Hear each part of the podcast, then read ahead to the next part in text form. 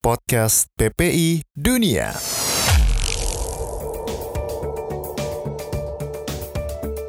Welcome back to podcast PPI Dunia dan hari ini kembali lagi bersama aku Syafiq dan sebelumnya di episode pertama kita udah ngebahas hal yang agak serius gitu ya. Kali ini kita pembahasannya santai aja, lebih akan ngomongin tentang kehidupan di luar negeri yang mungkin teman-teman yang dengerin juga penasaran nih, gimana sih rasanya tinggal di negara-negara yang bakal diceritakan. Nah, hari ini kita akan ngebahas Prancis dan Polandia dan negara-negara Eropa secara umum hari ini bersama dengan Mbak Ki Amalia. Halo, terima kasih udah diundang podcast PPI Dunia nih. Gimana kabarnya Mbak? Alhamdulillah baik, masih oh, dingin, tapi udah seneng sih, udah nggak sedingin bulan kemarin, udah Iya, mulai betul. hangat.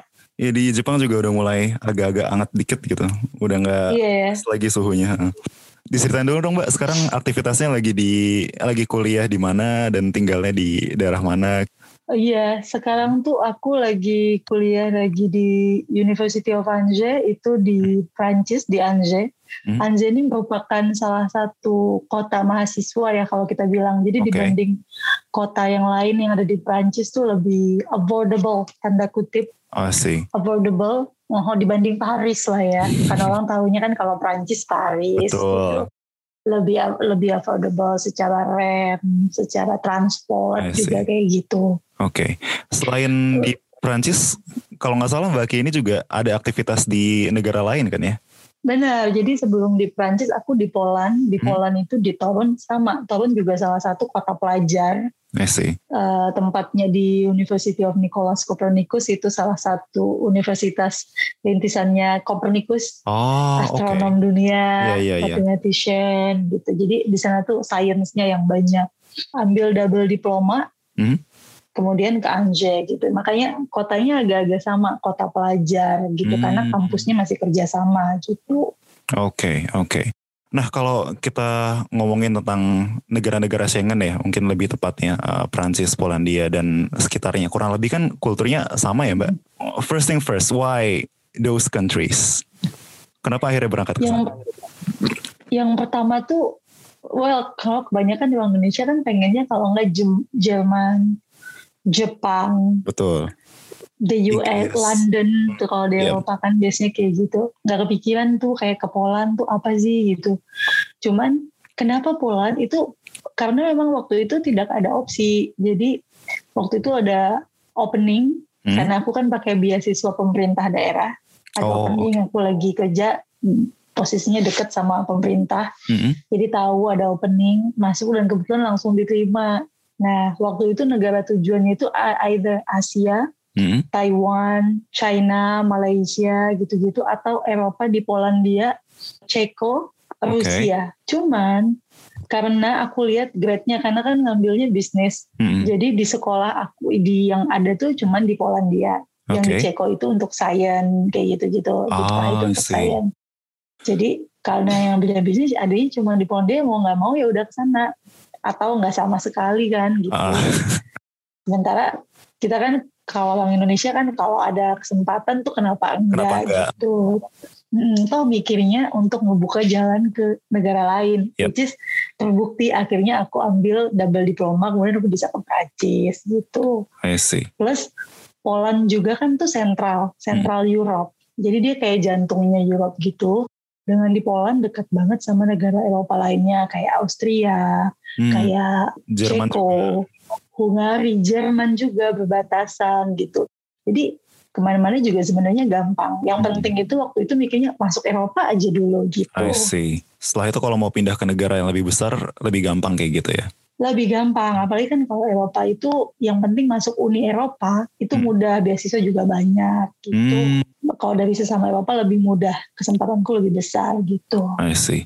Berarti dari sebelumnya udah membayangkan akan berangkat ke Anje itu nggak, Mbak? Atau kayak ya udah Enggak. pertama ke Polandia aja dulu terus nggak tahu. Ke Polandia aja, ke Polandia aja. Anjay, cuman pas aku kuliah di kampus, jadi kan ada kayak asosiasi untuk sertifikasi business school. Mhm. Nah, di ABA itu nanti kita disertifikasi sama lembaga European, uh, lembaga gitu yang memang itu bagus. Jadi beberapa Oke. negara di Eropa, university yang credible, yang sudah certified bisa masuk di sini. Nah itu aku bisa memilih untuk ambil double diploma ke universitas-universitas negeri. Negeri ya, karena kampusku dua-duanya negeri Oke. yang di bawah asosiasi itu, yang di bawah yang sudah certified itu gitu. I see. Jadi ada double diploma atau triple diploma kalau international economic. Oke, nah bisa diceritain sedikit nggak mbak waktu proses berangkatnya itu sebenarnya dapat informasi dari mana, terus dapat beasiswa kah atau daftar sendiri atau gimana kayak gitu? Oke, jadi kalau aku kan karena memang beasiswa pemerintah daerah, jadi diinfokan di platform lokal daerah gitu itu sama sama teman-teman kan. Jadi untuk beasiswaku itu karena beasiswa Pemda itu aku tuh angkatan kedua. Jadi waktu itu gubernur yang baru terpilih salah satu programnya adalah mengirimkan seribu orang Oh, ke luar negeri untuk master dan PhD. Hanya di NTB aja Di di, NTB. provinsi aku Oh, aja. oke. Aku kan dari Lombok. Jadi ini program gubernurnya waktu itu. Oke, oke. Nah, waktu sampai di Eropa pertama kali, what was your first impression? waktu aku sampai itu kan berangkatnya kan akhir September tanggal 28. Jadi udah mau Hmm. masuk musim dingin. Oke, itu tahun Sementara kita kan tahun 2019. 2019, oke. Sementara kita kan dari Lombok itu yang notabene Lombok, Bali itu kan yang Panas panas, ya.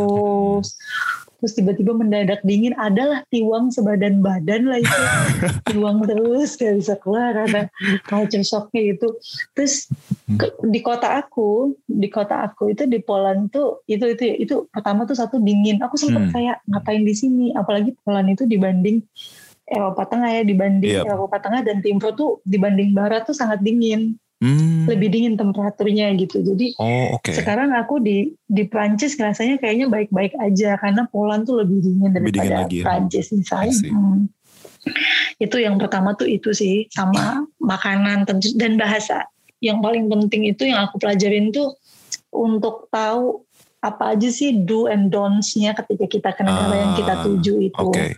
Sam- sama belajar minimal aja basic-basic greetings, minimal kayak basic-basic minta tolong apa segala macam. Soalnya kalau misal mereka tuh nggak pakai bahasa Inggris, jadi benar-benar kitanya yang harus effort gitu supaya namanya juga kita pendatang kan, Hmm. itu mereka lebih welcome ketimbang kita yang bahasa Inggris bahasa Inggris terus mereka nggak welcome ya udah ditinggal aja gitu. Jadi kesannya kayak cold.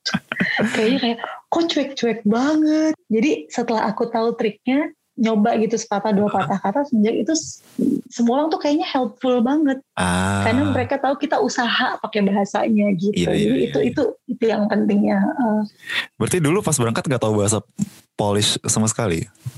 sama sekali nggak tahu Oke. dan dan di program aku tuh karena international student kan diwajibkan ambil kelas bahasa Heeh. kelas bahasa sama kelas culture gitu Oke. dua-duanya di Prancis sama di Poland tuh gitu wajib Hmm. jadi setelah dapat setelah berapa bulan bisa adjust gitu awalnya blank sama sekali bahasa Inggris dan itu tuh bahasa Inggris Google Translate Iya iya iya. terus iya. jadi ke mana-mana Google Translate Google Translate Betul betul. tapi setelah setelah belajar udah mulai bisa dan ternyata mereka tuh baik gitu Appreciate ya kalau misalnya usaha. Hmm, Oke oke. Jadi emang harus kita kasih effort lah untuk belajar bahasa itu benar. Makanya kalau beasiswa pemerintah Poland Hmm. atau pemerintah Prancis itu kita harus ada kelas bahasa dulu enam bulan sebelum Hmm. kelas kampus. Gitu karena memang mereka mengutamakan yang berbahasa kan. Jadi dikasih free kelas bahasa, nggak bayar. Hmm. Kita dikasih enam bulan kelas bahasa. Nah waktu sampai di Prancis first impressionnya gimana mbak? Kayak udah oh ya udah sama aja nih sama-sama Eropa gitu atau kayak ada sesuatu yang berbeda nggak? Kalau di Prancis tuh karena kebanyakan nonton film ya dan dengerin kalau Prancis kan kayaknya lebih terkenal daripada Iya iya Poland ya. benar-benar. udah ada stigma gitu bahwa orang sana tuh satu kayak fashionable gitu. Hmm. fashionable gitu kan apalagi kita kan datang pertama di Paris dulu tuh fashionable habis itu mereka kayak makanannya lebih enak udah Hmm. pasti kalau di Poland tuh makanannya tuh enak tapi buat lidah orang yang mentok Indonesianya mentok Susah ya. dan untuk menjadi restoran Asia itu di restoran Indonesia misalnya di Hmm. Poland tuh hanya di kota-kota besar ibu Ah. kota gitu tapi kalau di Prancis itu jangankan restoran Indonesia tuh banyak jangankan restoran Indonesia pedagang khusus groceries Indonesia aja ada Oh loh oh gitu. sampai yang jual kayak coki-coki Serius? seblak gitu tuh ada serius micin gitu ada minyak Oke. kayu putih gitu. Satu grocery isinya toko Indonesia barang-barang semua. Indonesia semua. Oh wow. Barang Indonesia, bukan Asia ya. Barang Indonesia, warung Indonesia. Oh, I don't even have Sampai that ada in Japan. yang, iya kan? Sampai ada yang jual pempek, klepon yang kayak gitu-gitu, kue putu. Oh, wow. Itu kan Indonesia banget Oke, kan? iya iya. Itu kalau di Paris tuh ada di Poland nggak ada sama sekali. Anyway, Mbak, did you watch Emily in Paris? Of course, Okay, of so course. so dumb question. How how different is it to Emily in Paris? Jadi ini lucu. Jadi waktu itu kan kelas masih belum eh, waktu summer kan kita sempat kelas tuh sempat physical. Oke, Terus Emily in Paris kan keluar after summer. betul. Kita semua nonton dong. Semua orang yang French mereka bilang itu BS. gue tuh kita nggak kayak gitu gitu. Oke, Tapi kita turisnya Mhm. setiap nonton tuh setiap episode kita kayak iya bener tuh, bener tuh, bener tuh gitu. oke. Terus kita sampai ada kejadian nih aku bagi sedikit ya ada kejadian kita nobar bareng semua anak Indonesia Hmm. sama orang-orang non French nobar Oke. Emily in Paris itu semua tuh ketawa dan ngakak tuh semua kejadiannya tuh bener kayak mereka tuh mulai kerja tuh lebih siang Mm-mm. mereka tuh bener bisa pipis di pinggir jalan tuh boleh ada tempat itu Oh bener Oke, jadi itu akurat sih akurat ya. buat Soalnya turis Oke, buat turis buat turis ya. Soalnya banyak yang Uh-uh. ngomong kan, maksudnya everything is just too sweet and like wah kayak semua orang fashionable dan kalau misalnya nggak nggak bisa bahasanya pun juga mereka akan menyesuaikan kayak gitu-gitu. Enggak, kalau yang bener itu adalah pas dia baru datang cold itu bener. Mereka tuh kalau kita nggak ngomong French, Hmm? udah nggak peduli deh dicuekin. Aku juga ngerasa itu kalau aku sedih banget. Minggu pertama di Prancis kan aku belum bisa bahasa Prancis kelas Hmm. bahasa kayaknya kok nggak nggak ada yang helpful kayaknya kok kok dingin nggak hangat gitu Oke, loh setelah bisa bahasanya dikit-dikit mau coba sepatah dua patah kata baru udah punya teman apa segala macam itu benar. Cuman kalau Emily-nya emang emang lebay sih dia berlebihan itu benar. Tapi fakta-fakta yang lain itu akurat sih. Culture-culture yang lain tuh akurat. Oke.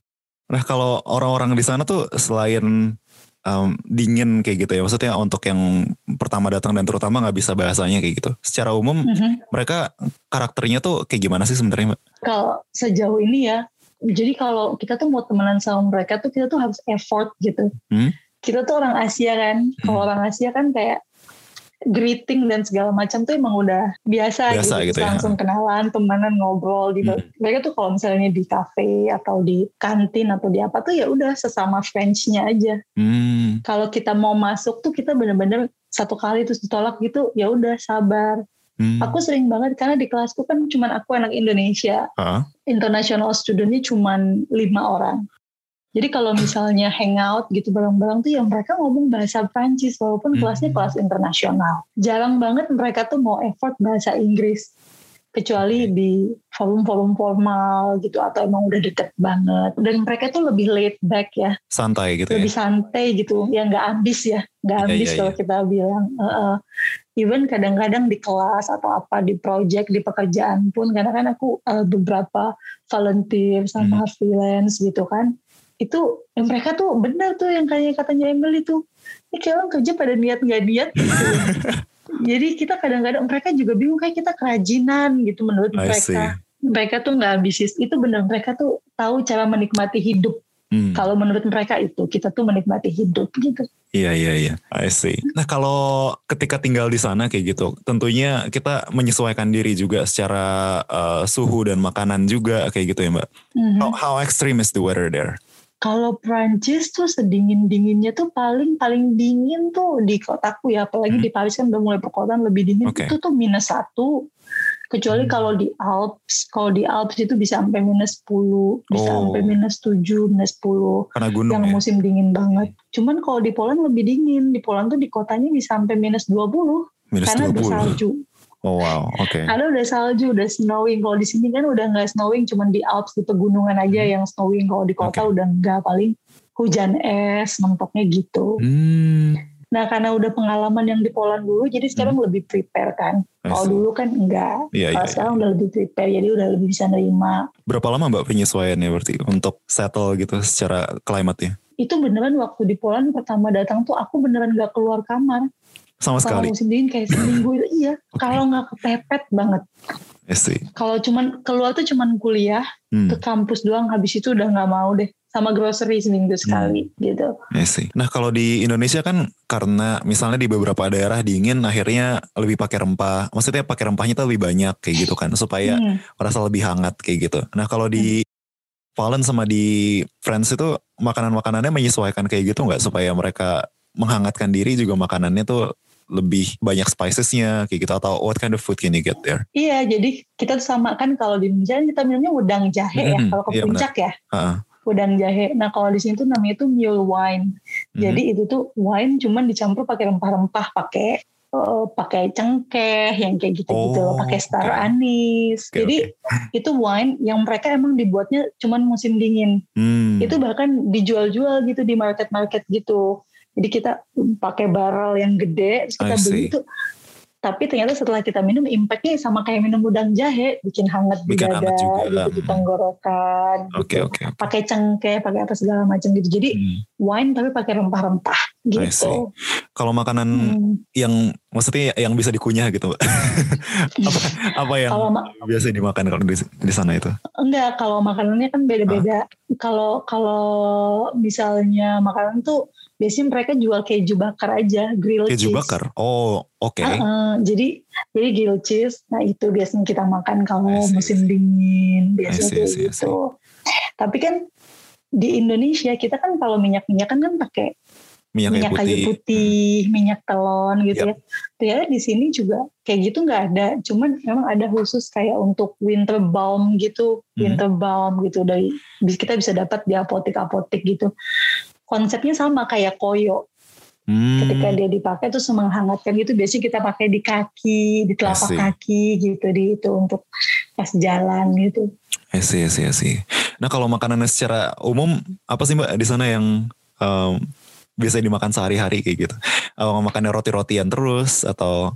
Ya kayak Emily bilang croissant mulu tiap hari croissant lagi baget lagi croissant lagi baget lagi karena kalau Oke. kita orang Indonesia kan biasanya kita bawa rice cooker atau beli ya Hmm. cuman kalau orang-orang sini Hmm. bilangnya tuh nasi itu makanan orang miskin kata dia gitu Oke. Hah? masa sih iya iya kan iya kan aku bilang waktu itu aku sempat kayak what kecuali kalau emang kayak makan nasi itu kayak once in a while lah kalau emang harus harus Hmm. banget atau kalau enggak nasinya berasnya dalam bentuk risotto atau sushi Ah, I gitu see, I see. jadi bukan kayak kita nasi direbus gitu dikasih lauk apa segala macam Hmm. atau nasi goreng gitu mereka hmm, kalau kita kan tumis-tumis gitu kan Mm-mm. Dan tasty berbumbu gitu. Kalau Yep. di sini kan keju-kejuan lah, pasta-pastaan Hmm. kayak gitu. Krim-krim, lebih creamy-creamy kayak gitu. Hmm. Nah kalau di Indonesia sendiri kan secara populasi mbak 80% itu kan muslim ya Hmm. statusnya kayak gitu. Nah kalau Hmm. misalnya mau ke luar negeri juga pasti itu kan salah satu hal yang diperhatikan juga kayak gitu dari segi Hmm. makanan salah satunya. Nah kalau dari secara makanan dulu nih mbak, how easy is it for a Muslim to live there? Kalau paling mentok ya, paling mentok itu makannya tuh anak-anak kebab. Hmm, ke- makanan itu Turki yang gitu paling ya? mudah. Makanan kebab atau makanan Turki, restoran Turki Oke. itu yang paling mudah. Tapi selebihnya itu enggak karena daging pun biasanya kalau kita ke restoran Turki atau Hmm. makanan kebab tuh mereka akan bilang mau yang halal atau enggak. Jadi ada daging atau ayam itu ada tempat untuk di daging yang halal di mana Hmm. proses penyembelihannya itu secara halal. Iya. Jadi emang yang jual biasanya muslim juga. Hmm. Tapi kadang kan kalau kita beli daging atau ayam di supermarket biasa, kita belum garantit itu halal Ah, gitu. Nah, jadi kalau kota kayak kota-kota besar tuh punya toko-toko khusus yang spesialis halal Hmm. food, halal groceries itu punya. Tapi kalau waktu aku di Poland, di Toron itu nggak ada. Di Angers juga nggak ada. Tapi kalau kayak di Paris, di ibu kota atau di Warsaw, Hmm. di ibu kotanya Poland, itu ada kayak gitu.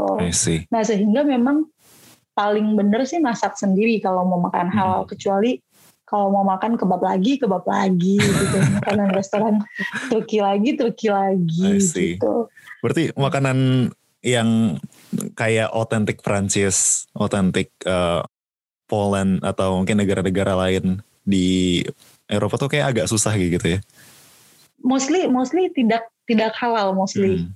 Mostly mereka tuh pakai karena pork kan, pork Iya sih, pork based Gitu. ya. pork base rata-rata gitu. Kalau Poland itu kan eh, eh, sama makanan favoritnya juga gitu. Po- Hmm. Aku misalnya kita pergi makan malam sama teman-teman dan lain-lain gitu kan paling paling aman tuh aku selalu bilang vegetarian menu karena Hmm, udah oke. pasti nggak ada Pasti nggak ada nggak ya. ada Nggak ada nggak ada Hmm. daging-dagingan. Hmm. nggak ada daging. Ya. Kalau di Paris itu muslimnya banyak banget. Heeh. Soalnya Paris tuh kan Ada imigran ya? banget. Banyak imigran, banyak bukan cuman imigran dari Afrika, Turki, bahkan Hmm. Maroko, mana-mana tuh Iya. orang Indonesia aja tuh banyak banget di sana. Chinese apa segala macam gitu. Jadi bukan masalah berpakaian dan lain-lain tuh nggak ada masalah dan mereka kan tidak tidak seperti Poland. Poland kan sangat Catholic Oh, country kan. Jadi uh, jadi mereka kan sangat ketat sama gereja gitu. Jadi kalau di Poland itu hari Minggu misalnya semua Hmm. tuh orang pada ke gereja sepi. Hmm. Tapi kalau kalau misalnya di Paris tuh enggak ya udah normal aja gitu hidupnya itu normal. Jadi kita pun melakukan kegiatan agama Islam pun lebih mudah ketika di Prancis ketimbang di Poland. Hmm. Cuman waktu di kota aku yang di Poland itu nggak ada masjid. Jadi kalau ke masjid aku harus ke kota lain. Sama ketika di Angers juga di Prancis nggak ada masjid karena kota Oh. pelajar itu kan bukan kota besar. iya iya. Tapi kalau di kota besarnya masjidnya lumayan banyak dan komunitas dan banyak komunitas-komunitas muslim gitu. Itu Hmm. banyak juga. Awal-awalnya teman-teman yang muslim-muslim itu bahkan sholat di tangga kampus gitu. Bahkan Oh. ada yang sholat di toilet. Iya iya gitu. iya.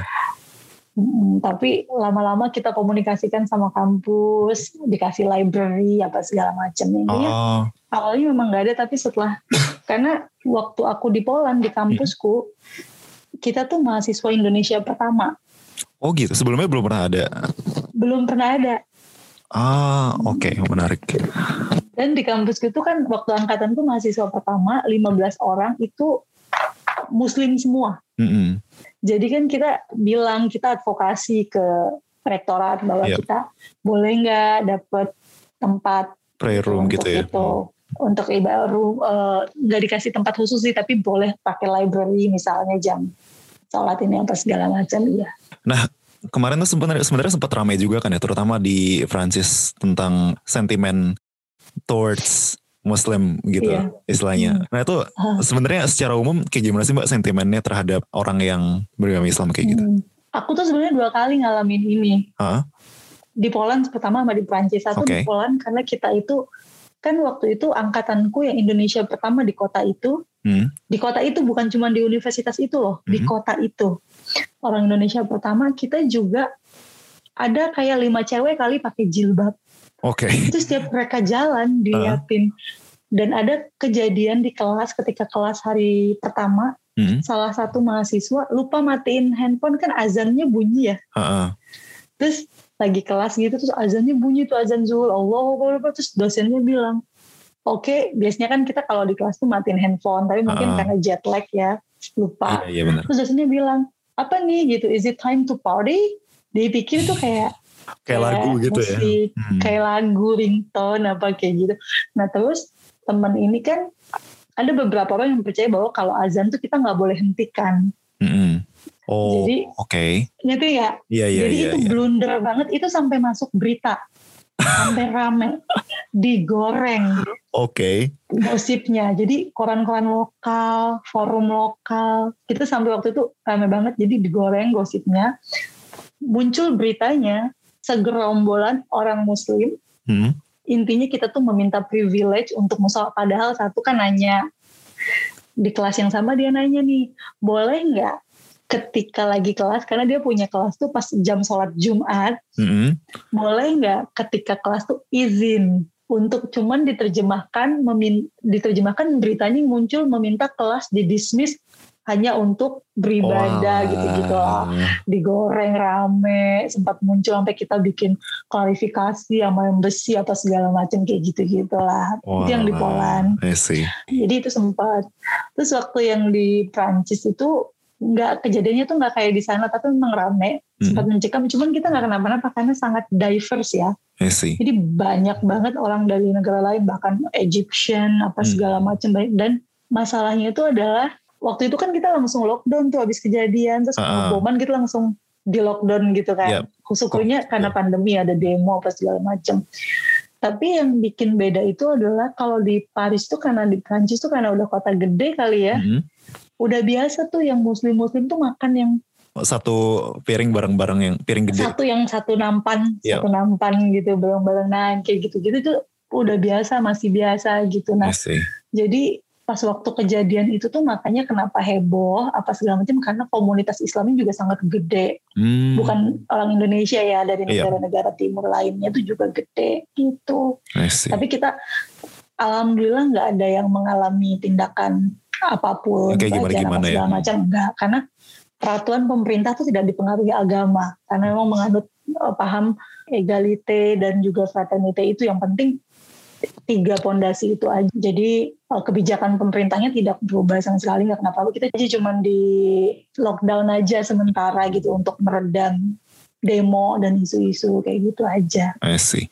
Tapi kalau publiknya in general, are they welcome gitu Ya. Mbak? Atau Ya, di Prancis tuh udah biasa karena satu fashion tuh bukan hal yang baru kan. Terus juga mereka banyak yang diverse. Kulit mau kulit yang hitam banget, sampai yang hitam biasa aja, yang berapa gradasi hitam juga ada gitu. Jadi udah biasa dan di Prancis tuh nggak nggak mayoritas tuh kulit putih tuh nggak gitu. Jadi di- diversity tuh udah biasa di situ tuh nggak ada masalah. I see, I see. Oke Mbak, stepping away from the issue, Mhm. generally speaking, kalau misalnya mau tinggal di Eropa dan mungkin kita belum punya, anggaplah belum punya beasiswa kayak gitu atau mau nyari beasiswa ketika berangkat ke sana kayak gitu. Soalnya kan ada juga yang, Mhm. eh, terutama kalau di Jepang sih ada kayak gitu ya, maksudnya nyari beasiswa pas udah udah keterima dulu, udah berangkat kayak gitu, baru dapet. Nah kalau misalnya mau kayak gitu atau mau ya udah berangkat aja dulu pokoknya gitu. How much do you need to prepare? Kalau Eropa ya, kalau misalnya nggak pakai beasiswa, kalau Eropa itu dari yang paling Poland kan lebih murah ketimbang Prancis. Hmm. Dari Poland tuh kamu bisa hidup sebulan hanya dengan 350 sampai 400 euro tuh students bisa hidup. Oh wow, oke. Itu sekitar 8 7 juta, jutaan ya. 8 juta ya. Hmm. 7 7 8 juta tuh bisa Iya. hidup kalau di Poland. Hmm. Tapi hidup mahasiswa ya. Mm-mm. Jangan dikit Starbucks gitu bukan yang gitu. Oke. Terus tapi kalau di Prancis Hmm. biaya dorm aja dorm yang paling murah aja itu untuk yang paling kecil tuh 250 euro. Itu baru domi aja ya? Sementara domi aja sementara di Poland 250 euro aku bisa dapat apartemen studio sendiri sama isinya sama utility gitu. Jadi jadi dom yang kecil aja yang paling kecil yang paling murah itu yang dibiayain disuplai sama pemerintah juga disubsidi itu 250 euro. Jadi untuk hidup decent sebagai student tuh kamu butuh sekitar 500 sampai 600. Hmm. 500 is okay, 500 euro gitu untuk kayak Itali, Prancis, Jerman itu bisa segitu tuh nggak apa-apa I see, I see, I see. gitu. Mm. Oke. Bayangkan hidup sebulan segitu, ongkos pesawat kan kalau misalnya one way itu sekitar mulai dari 8 juta sampai 10 jutaan. I see, I see. Kalau biaya kuliah berarti berapa mbak kira-kira? Percaya apa enggak, di Prancis tuh kuliahnya murah banget. Oke. Jadi di Poland aku bayar satu semester tuh sekitar 2000 euro, Itu sekitar berapa berarti? Tiga, 30 jutaan? sekitar 40 jutaan. 40 jutaan. Hmm. 45 juta sekian lah ya satu semester tuh. Kalau di Prancis Hmm. bahkan tuh di kampus aku Hmm. kayak jurusan ekonomi gitu, bisnis gitu, itu mereka cuman bayar tuh nggak nyampe 500 euro Oh, 500 euro. satu Itu, di- itu semester. nggak nyampe 10 juta berarti ya? Nggak nyampe, I see. kaget kan? Oke. Lebih mahal biaya hidupnya ketimbang biaya sekolahnya. Oh jadi- gitu. Makanya make sense banyak banget mostly teman-teman aku yang di Paris, yang di Anjay tuh kebanyakan pakai biaya pribadi. Oh. karena biaya sekolahnya murah. Kemudian di Prancis itu tuh pemerintahnya tuh sangat baik banget. Kesehatan gratis, Hmm. PCR semuanya tuh gratis. Kesehatan tuh otomatis gratis. Kemudian kita tuh banyak bantuan tempat tinggal. Kalau Hmm. kita nggak kerja tuh ada bantuan hidup. Jadi bisa dibayar setengahnya aja di, di subsidi pemerintah. Kemudian ada banyak sekali program-program gratis. Jadi pemerintah Prancis tuh sangat baik. Mungkin karena pajaknya tinggi ya. Hmm. Banyak banget privilege-nya. Makanya aku juga taunya pas udah ke Prancis kayak kenapa nggak dari dulu sekolah di sini gitu. Gitu tuh ternyata. Terus ada beasiswa beasiswa Uni Eropa kayak Hmm. Erasmus gitu tuh ada. Terus beasiswa pemerintah Prancisnya sendiri ada. Terus Hmm. beasiswa kampusnya juga ada. Jadi eh, banyak banget beda-beda. Honestly, ini juga aku kaget kok biaya hidup di Poland sangat murah, tapi Hmm. biaya pendidikan mahal Mahal. buat international students. Hmm. Di Prancis tuh sebaliknya, biaya hidup Hmm. mahal, biaya pendidikannya murah. I see, I see, I see. Nah, Gitu. populasi orang Indonesia-nya berarti berapa Mbak kalau eh, dengan situasi kayak gitu ya? Di di di di Prancis tuh ya dari semua dari semua seprancis orang Indonesia tuh lebih dari 1000 sampai 2000 ya. Oh, lumayan banyak ya? Banyak loh. Banyak loh di Iya, Prancis. iya, iya. Kalau kalau di Poland tuh, nah di Poland karena ada kerjasama antara pemerintah. Jadi Indonesia sama Poland tuh kan udah kerjasama sejak Lumayan kuat ya. 70 tahunan, Mhm. lumayan lama. Mhm. Selain kita benderanya hampir mirip ya, cuma tinggal dibalik-balik flip doang. ya. Iya, Oke. ada namanya beasiswa Naw- Nawa itu beasiswa pemerintah Poland. Hmm. Itu eh, dia itu banyak banget anak Indonesia yang datang dari situ. Jadi kita udah ada. Kalau di Poland tuh hampir 400-an orang Indonesia lah, student ya, yang student-student. Kalau sama orang Indonesianya sama yang menikah apa segala Hmm. macam tuh lumayan lah bisa dapat 600-an gitu, 700-an dapat. I see, I see, I see. Nah tadi kan udah sempat dimention juga ya beberapa beasiswa yang available nih buat teman-teman kalau misalnya mau di mau ke sekolah di Prancis, di Poland atau di negara-negara lain di um, Uni Eropa juga kayak gitu. Nah buat teman-teman yang dengerin nanti kalau misalnya penasaran lebih lanjut beasiswa apa aja yang bisa teman-teman cari ambil kayak gitu ya untuk kuliah di sana.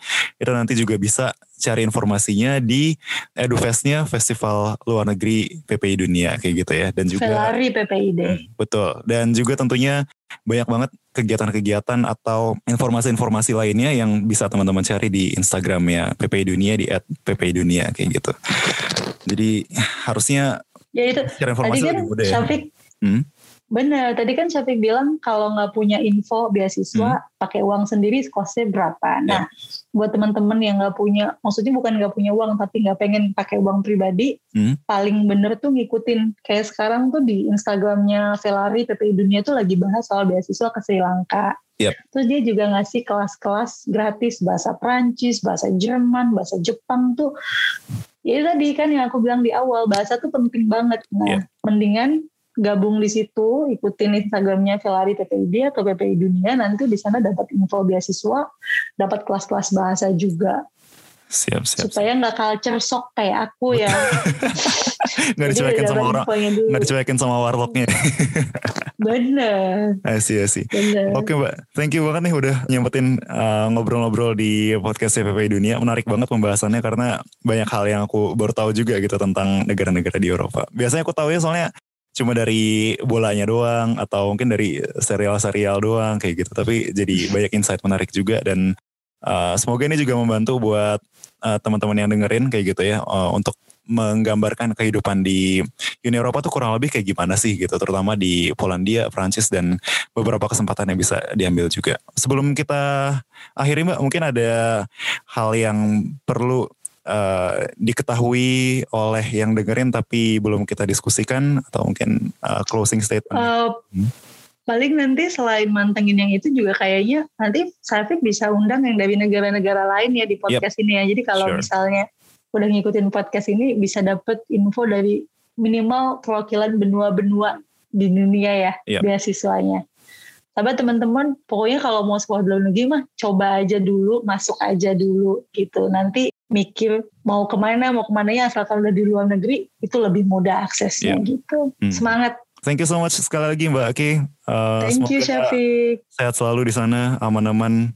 Kalau masih lockdown ya jangan membandel karena dendanya bisa bikin bangkrut ya. Iya 5 juta. Oke. Itu denda pertama. Kalau yang kedua naik lagi. Oh naik lagi. Oke. Oke. Oke. Thank you Mbak Ki. I'll see you. Uh, thank you buat yang udah dengerin. Sampai jumpa di episode selanjutnya. Cheers. Bye.